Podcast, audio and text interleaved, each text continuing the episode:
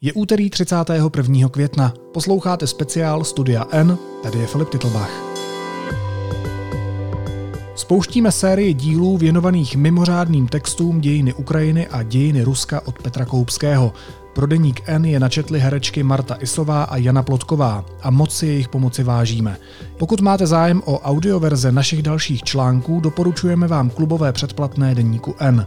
Dnes si ve studiu N můžete poslechnout první kapitolu dějin Ukrajiny s názvem Na křižovatce. Slovo má herečka Marta Isová.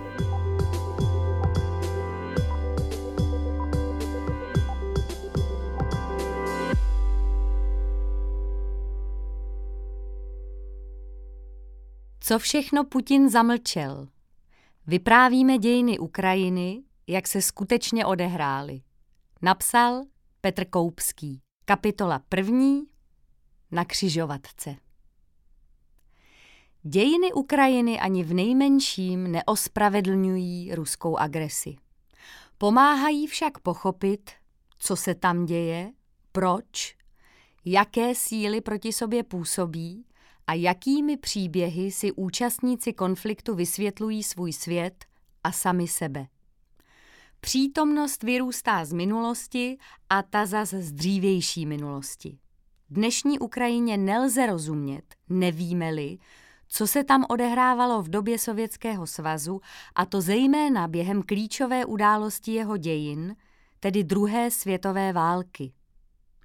Její průběh na východě vzešel z paktu Molotov-Ribbentrop, který byl stejně jako sama existence hitlerovského Německa a Stalinova Sovětského svazu důsledkem války předchozí. Ani ta ale nevznikla v geopolitickém vzduchoprázdnu. Na cestě zpět časem nemůžeme vynechat emský úkaz, trojí dělení Polska, záporožskou síč, hrdiné i hanebné skutky kozáků či napětí mezi západním a východním křesťanstvím. Připomeneme Chruščova, Banderu, Trockého, Tarase Ševčenka i Bohdana Chmelnického a mnoho dalších.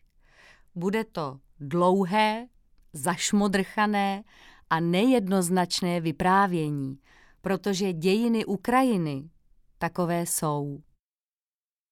Mince a bankovka Za dvě hřivny si koupíte pramálo.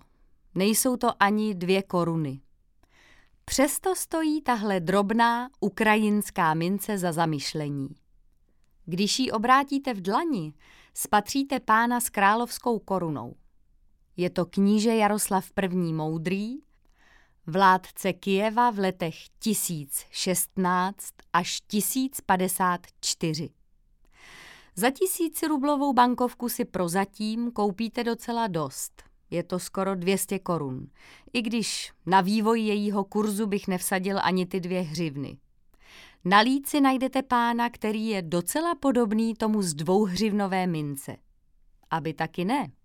Vždyť je to zase on, kníže Jaroslav tentokrát ale vyobrazený jako zakladatel ruského města Jaroslavl. Aby si dva státy dali na své peníze stejnou historickou osobnost, je samo o sobě nezvyklé. Když si navíc uvědomíte, že jsou ty státy už delší dobu v nepřátelském vztahu, že jeden z nich druhému upírá právo na existenci, začne to vypadat dost zlověstně. Kdo to vlastně byl, tenhle Jaroslav Moudrý? A komu patří větším právem? Rusku nebo Ukrajině? On sám říkal zemi již vládl prostě jen Rus. Častěji ale určitě mluvil o sídelních městech knížectví, z nichž se skládala. Vedle Kijeva to byly Novgorod, Černihiv, Perajaslav, Vladimír, Suzdal, Murom či právě Jaroslavl. Měl všechny důvody pokládat se za úspěšného. V Kijevě dal postavit chrám svaté Sofie, nejlepší napodobeninu katedrály z Konstantinopole, jaká se dala pořídit. Svedl vítězné bitvy z Pečeněhy, stepními bojovníky z východu.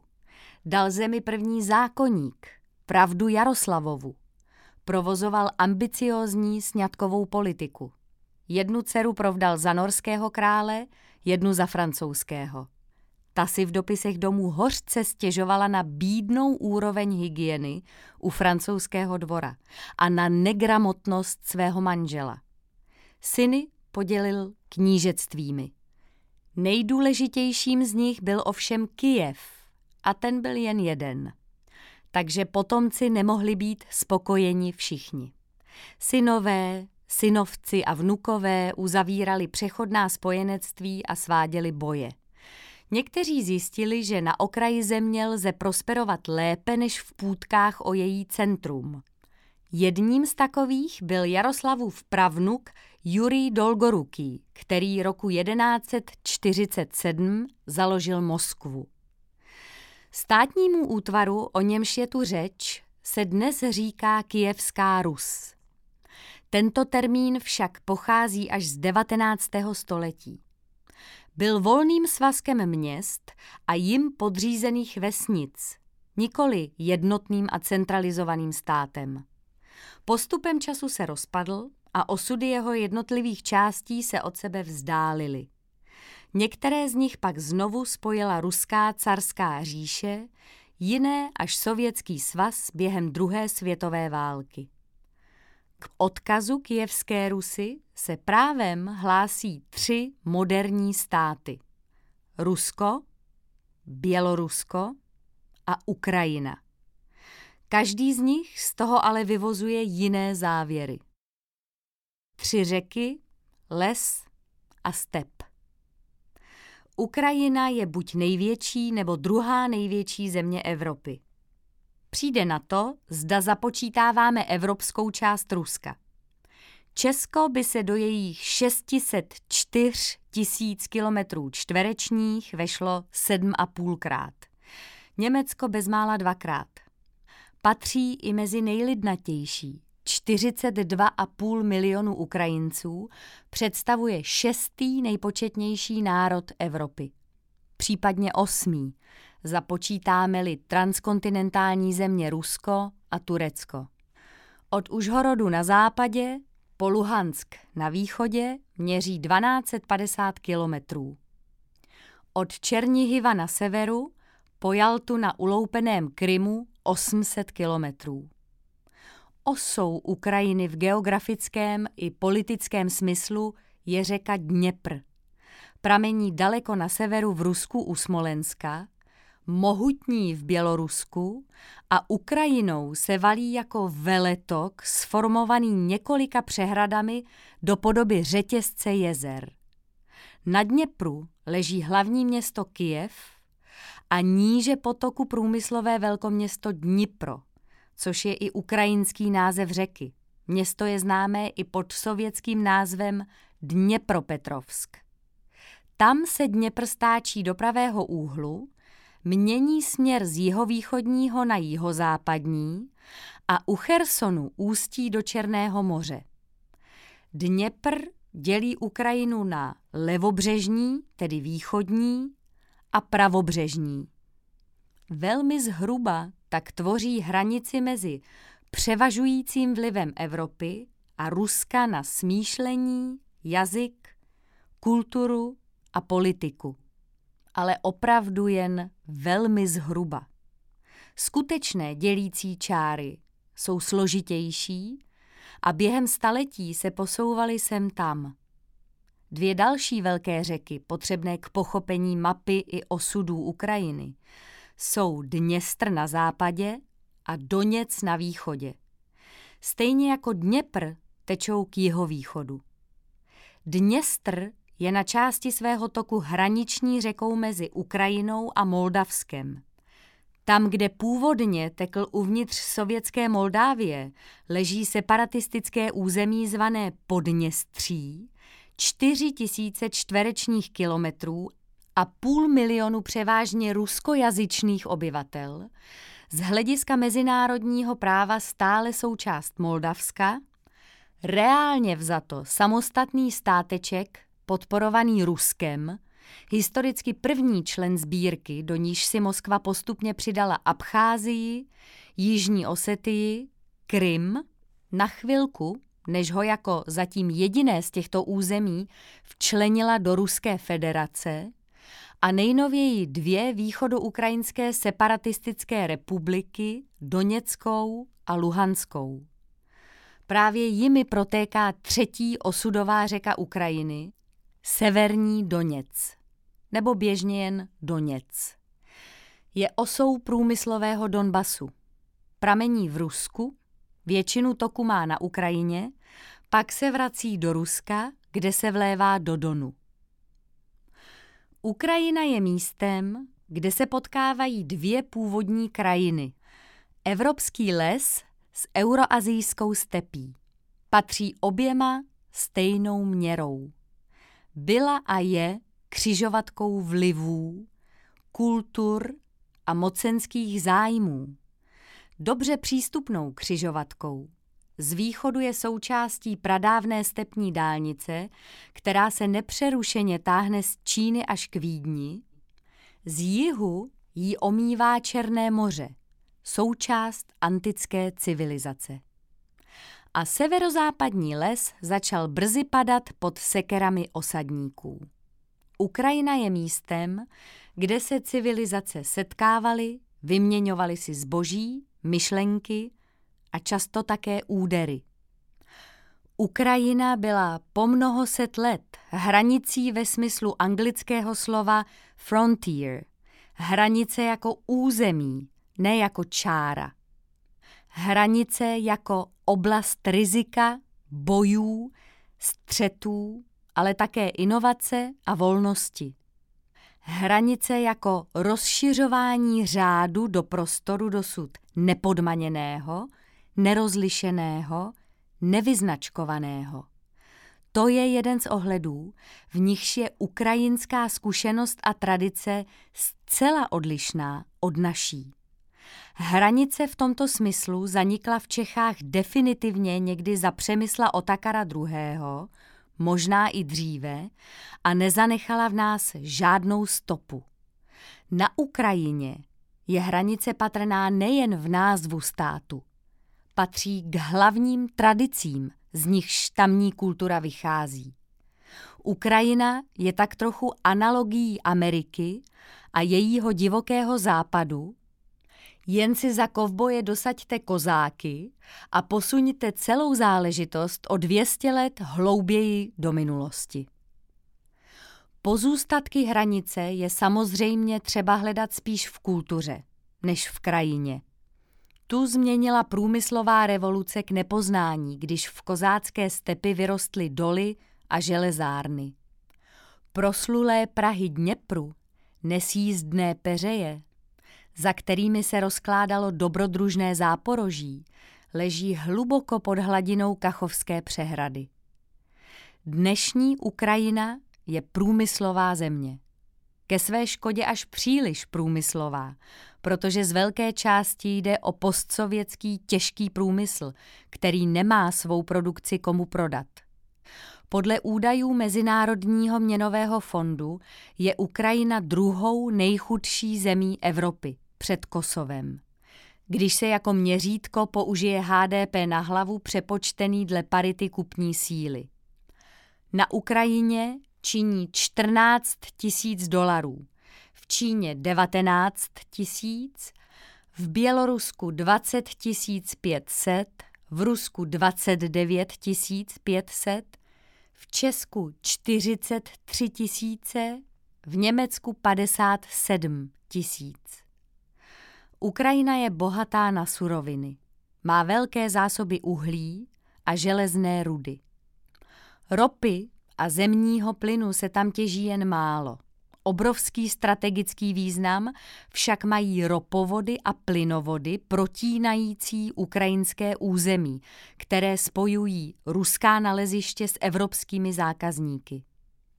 Na Ukrajině se nachází 25% evropské orné půdy a 30% veškeré světové černozemě.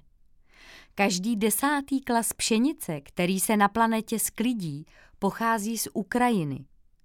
Průmysl je tradičně orientován na těžkou techniku. Kijevský podnik Antonov vyrábí největší transportní letadla na světě. A zbrojní systémy. Poslední dobou se silně rozvíjí IT sektor. Jediným úředním jazykem Ukrajiny je ukrajinština. Což možná překvapí, protože zvenčí ji většinou vnímáme jako dvojjazyčnou zemi, kde jsou ruština a ukrajinština v rovnováze. K ruské národnosti se hlásí 17% Ukrajinců, ne 17 milionů, jak několikrát řekl Vladimír Putin, nejspíš ne omylem.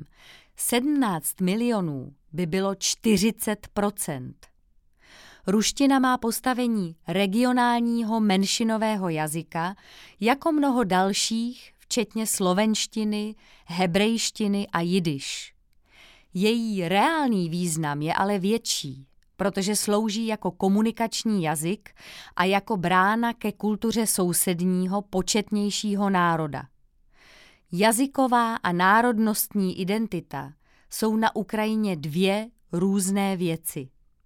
Můžete potkat přesvědčeného ukrajinského nacionalistu, který vám řekne, že Rusy nemůže ani vidět čistou ruštinou svým mateřským jazykem, přičemž ukrajinsky skoro vůbec neumí. Něco podobného lze denně zažít například v Irsku. Ukrajinština je sice východoslovanský jazyk, silně ale ovlivněný západoslovanskou polštinou díky stovkám let soužití ve společném státě. Srovnej postupně česky, polsky, ukrajinsky a rusky. Mám peníze, mám peníze, já maju hroši, u mě děngy. Rozdíl mezi ruštinou a ukrajinštinou je větší než například mezi češtinou a slovenštinou. V závislosti na dialektu se pohybuje na hranici vzájemné srozumitelnosti, často za ní. Z toho důvodu je častým komunikačním prostředkem Ukrajiny suržik, spontánní mix obou jazyků. Jeho gramatika je víceméně ukrajinská, slovní zásoba smíšená. Monolit a mozaika. Římská říše, bezprostřední předchůdce moderní civilizace, se roku 395 rozdělila na dvě. Na západě se její moc rozbila na střípky, které už nikdy nikdo nepozbíral všechny, vždy jen část. Ve východní části, v Byzanci, se udržela celistvá. Tak se z východu a západu stal východ a západ. Dvě Evropy, dvě pojetí vlády. Monolit a mozaika. Když 300 let po pádu západořímské říše obnovil Karel Veliký císařství, korunoval ho římský papež.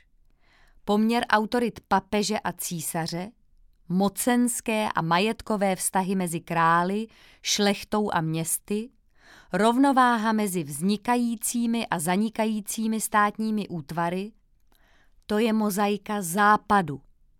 Proměnlivá, stále se přeskupující západní společnost si nakonec jako sebezáchovnou nutnost vytvořila pravidla, jejichž dodržování nadřadila jak kmenovým vazbám, tak hrubé síle. Četné mezery v mocenské mozaice umožnily vznik nových, nevyzkoušených nápadů od náboženských herezí po způsoby vaření piva. Rozdíly a rozmanitost, řád bezmála zastíněný chaosem, nejistota, pochybnosti a riziko, to je západ. Když se znelíbíte jednomu knížeti, pořád je tu naděje, že najdete zastání u druhého – zejména v případě, že tím ten druhý tomu prvnímu schutí šlápne na kuří oko. Východořímská říše, neboli Byzanc, naproti tomu zůstala mocenským monolitem. Přinejmenším na první pohled. Císař si podržel nejvyšší světskou i duchovní autoritu, církevní hodnostáři mu byli podřízeni. Příkazy šly řádně z hora dolů a buď se slepě plnili, nebo zkušeně ošvindlovali. Postavit něco tak monumentálního jako Hagia Sofia v Konstantinopoli je v takovém systému snazší než v západním. Však také byl tento chrám největší na světě po celých tisíc let. Západ se mu vyrovnal až v 16. století.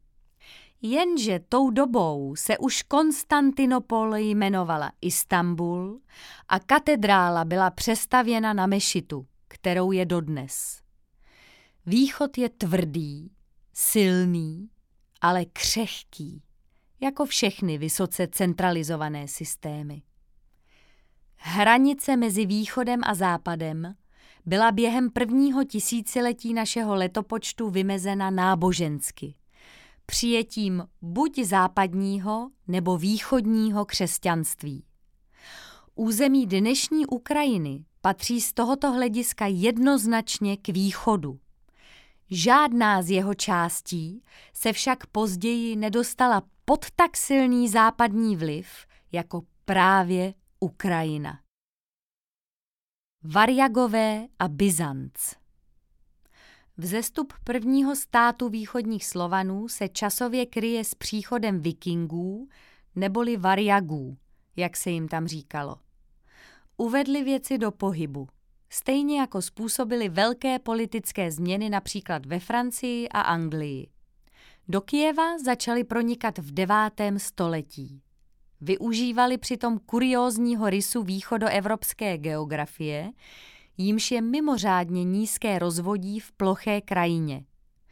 Na několika místech tak bylo možné plavit se lodí z Baltu proti proudu vhodné řeky co nejdál, pak loď po zemi přetáhnout jen několik kilometrů a spustit ji do řeky ústící do Černého moře. Primárním cílem vikingů zpočátku nebylo vnitrozemí, ale vzdálená, pohádkově bohatá Konstantinopol, kam jezdili jednak obchodovat, jednak loupit. Tyhle dvě činnosti v jejich pojetí vždy a všude přecházely jedna v druhou. Klasická vikingská cesta do Konstantinopole vedla z Ryšského zálivu řekou Daugava, rusky západní Dvina. Z ní odbočili doprava do řeky Kasplia, kterou v příhodném místě poblíž dnešní vesnice Katyň, ano, ta Katyň, v téhle části světa se musíte souvislostem a asociacím spíš bránit, než je vyhledávat. Dělí jen několik kilometrů od Kuprinského jezera a z něj je zase blízko do řeky Katinka, která v zápětí ústí do Dněpru. Mimochodem jméno Katyň nemá nic společného s Katem, přestože se znalostí dějin 20. století je těžké se takovému nápadu ubránit. Ruské sloveso kataťsa znamená valit se, případně klouzat, což je přesně to, čím se místní obyvatelé živili. Tahali lodě na dřevěných lyžinách a válcích přes suchou zemi z jedné řeky do druhé. Brzy ale vikingové rozpoznali hodnotu východoevropského vnitrozemí. Dali se tam nakupovat kožešiny, med a otroci. Dali se tam budovat statky a chovat dobytek. Přibývalo tam obchodních cest a než na nich s místními pořád bojovat, lépe bylo ovládnout je na dobro a při nejhorším i po dobrém. Stejně jako o trochu dříve v Anglii a severní Francii, i tady se začaly usazovat na místech, kde dříve loupili a vznikajícímu osídlení propůjčili své jméno – Rus. Slované tohle jméno pro vikingy převzali patrně od Finů, kteří Švédům říkají ruotci, ti, kdo veslují. A stejně jako v západní Evropě, i tady vikingové brzy splynuli s místními k nerozeznání. Na začátku desátého století už měli obchodní a spojenecké smlouvy s Byzancí, která byla jejich velkým vzorem. Do Konstantinopole jezdili nakupovat luxusní zboží, okukovat trendy, učit se. Počátky Kijeva, jejich hlavního města, jsou ale dávnější. Tradičním datem založení je rok 482. V němž se historie rozplývá v mýtech právě tak, jako je tomu v našich pověstech o Libuši a Přemyslovi. Ty pocházejí z Kosmovy kroniky. Její analogií u východních Slovanů je Nestorův letopis neboli Povesť vremenných let, sepsaný shodou okolností ve stejné době jako Kosmův text, tedy kolem roku 1120. A stejně jako u Kosmy, i v Nestorově letopisu mýtus postupně přechází v reálný, ověřitelný historický záznam. Prvním doloženým vládcem Kijeva byl kníže Olek, známý jako věštec, věštčí Olek. Vládl v letech 882 až 912, tedy v době, kdy českým panovníkem byl Spitihněv, strýc svatého Václava. Mimochodem významný tím, že za jeho vlády se český stát odpoutal od rozpadající se Velké Moravy, nikoli bez boje. A přijal latinskou evangelizaci. Stal se součástí západu. Olek tuhle otázku ještě vůbec neřešil. Věřil-li v jaké bohy, pak nejspíš v Odina a jeho družinu – případně i v božstva slovanského panteonu, tedy v Peruna, Dažboga a v Mokoš, bohyni vláhy, země a úrody, aby nerozzlobil své slovanské poddané. Olek měl syna Igora, Igor měl syna Sviatoslava, Sviatoslav měl syna Jaropolka, jehož synem byl Vladimír. Vladimír první též veliký a svatý. Ukrajinský Volodymyr, nám Čechům dobře známý ze satirické Havlíčkovy básně Křest svatého Vladimíra, která připomíná, že právě tento panovník se jako první z vládců Kijeva dal pokřtít a zvolil tím křesťanství i pro své poddané. Došlo k tomu patrně roku 988. Křest byl podmínkou toho, aby se Vladimír mohl oženit se sestrou byzantského císaře Bazileja II., který měl na krku tolik válek najednou proti svým vzpurným generálům, proti Arabům, Gruzíncům, Arménům a zejména proti konkurenční balkánské křesťanské mocnosti bulharské říši, že svolil k bezprecedentnímu sňatku, který Vladimira a jeho stát povznesl na úroveň nejprivilegovanějšího spojence. Bez křtu to ale nešlo. Vydělali na tom oba. Bazilejos získal přízvisko Bulgaroktonos neboli Bulharobiec. Vladimir otevřel své zemi cestu k další expanzi, tentokrát již podporované Byzancí. Vladimír měl syna Jaroslava, o kterém jsme si už vyprávěli. Ten měl kupu dětí. Rus se rozrůstala a upevňovala. Jenže pak se v dalekém severovýchodním Mongolsku narodil nesmírně talentovaný chlapec jménem Temujin. Evropa ho poznala jako Džingis Chána, pána světa. Mezi Hordou a Poláky Mongolové se na sto let stali pány Eurázie, od Pekingu po Maďarsko. Kijev dobili roku 1240 a spolu s ním si podmanili všechna ostatní knížectví Rusy. Rozdělili ji na dvě části. Na dnešní Ukrajině vládli o něco mírněji a jejich nadvláda skončila v polovině 14. století. V dnešním Rusku trvalo tatarské jho o sto let déle a jeho podmínky byly tvrdší. Ano, tatarské, nikoli mongolské. Mongolové se brzy zaměřili hlavně na Čínu. Země na západě přenechali svým turkickým spojencům, jejichž stát se po většinu své existence nazýval Zlatá horda, rusky Zolotája orda. Turkické slovo orda znamená sídlo, palác.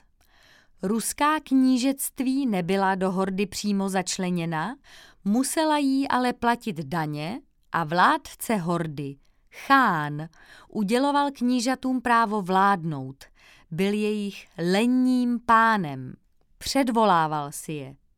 Chodit do hordy znamenalo, a metaforicky v ruštině dosud znamená, být podřízen neúprosné a nesrozumitelné cizí moci. Rusové se proti Tatarům bouřili. Důležitým dílčím úspěchem bylo vítězství na Kulikovském poli v roce 1380. Ale nezávislosti dosáhly až tehdy, když se horda oslabila vnitřními rozpory a když se ruská knížectví sjednotila pod vedením Moskvy. K tomu došlo za velkoknížete Ivana III. Jeho vnuk Ivan IV., zvaný Hrozný, se roku 1547 prohlásil za prvního ruského cara, tedy císaře. Z moskevského knížectví se stal při nejmenším potenciálně nadstátní útvar. Ruská říše. Vývoj v oblasti dnešní Ukrajiny a Běloruska byl zcela jiný. Zásadně do něj vstoupila regionální mocnost ze západu. Polsko-Litevská unie. Dnešní Litvu známe jako malou zemi ale litevské velkoknížectví na počátku 15. století zahrnovalo kromě dnešní Litvy a Lotyšska skoro celou dnešní Ukrajinu, celé Bělorusko a část západního Ruska. Velkoknížectví někdy pomáhalo Rusům proti Tatarům a někdy naopak, podle toho, co bylo pro jeho vládce výhodnější.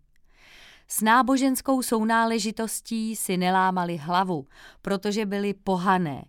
Ke křesťanství plně přistoupili až kolem roku 1390, kdy se ujal vlády velkokníže Jogajla. Pozdější polský král Vladislav II., zakladatel dynastie, kterou pod jejím popolštěným jménem Jagelonci dobře známe i u nás. Polsko-litevské spojenectví procházelo různými fázemi. Nikdy ale nešlo o unitární stát, takže nebylo jedno, jestli spadáte pod Polsko nebo pod Litvu. Tím se v podstatě oddělilo dnešní Bělorusko, země pod litevskou vládou, od dnešní Ukrajiny, kde vládli Poláci. Hlavní rozdíl byl v tom, že Poláci vnutili zemi svou kulturu, jazyk a do jisté míry katolicismus. Ukrajinské elity se polonizovaly. Ochotně a dobrovolně, cukrem, ne byčem. Litevci naproti tomu jazyk, kulturu a liturgii z ovládnutých slovanských knížectví přejali. Litevské velkoknížectví se stalo v kulturním a jazykovém ohledu pokračovatelem někdejší Rusy. Polský stát nikoli. O polsko-litevském státu se někdy mluví jako o republice. Tak mu říkali jeho obyvatelé. Řeč pospolita, protože królewstwo polskie i wielkie księstwo litewskie by bylo trochu dlouhé.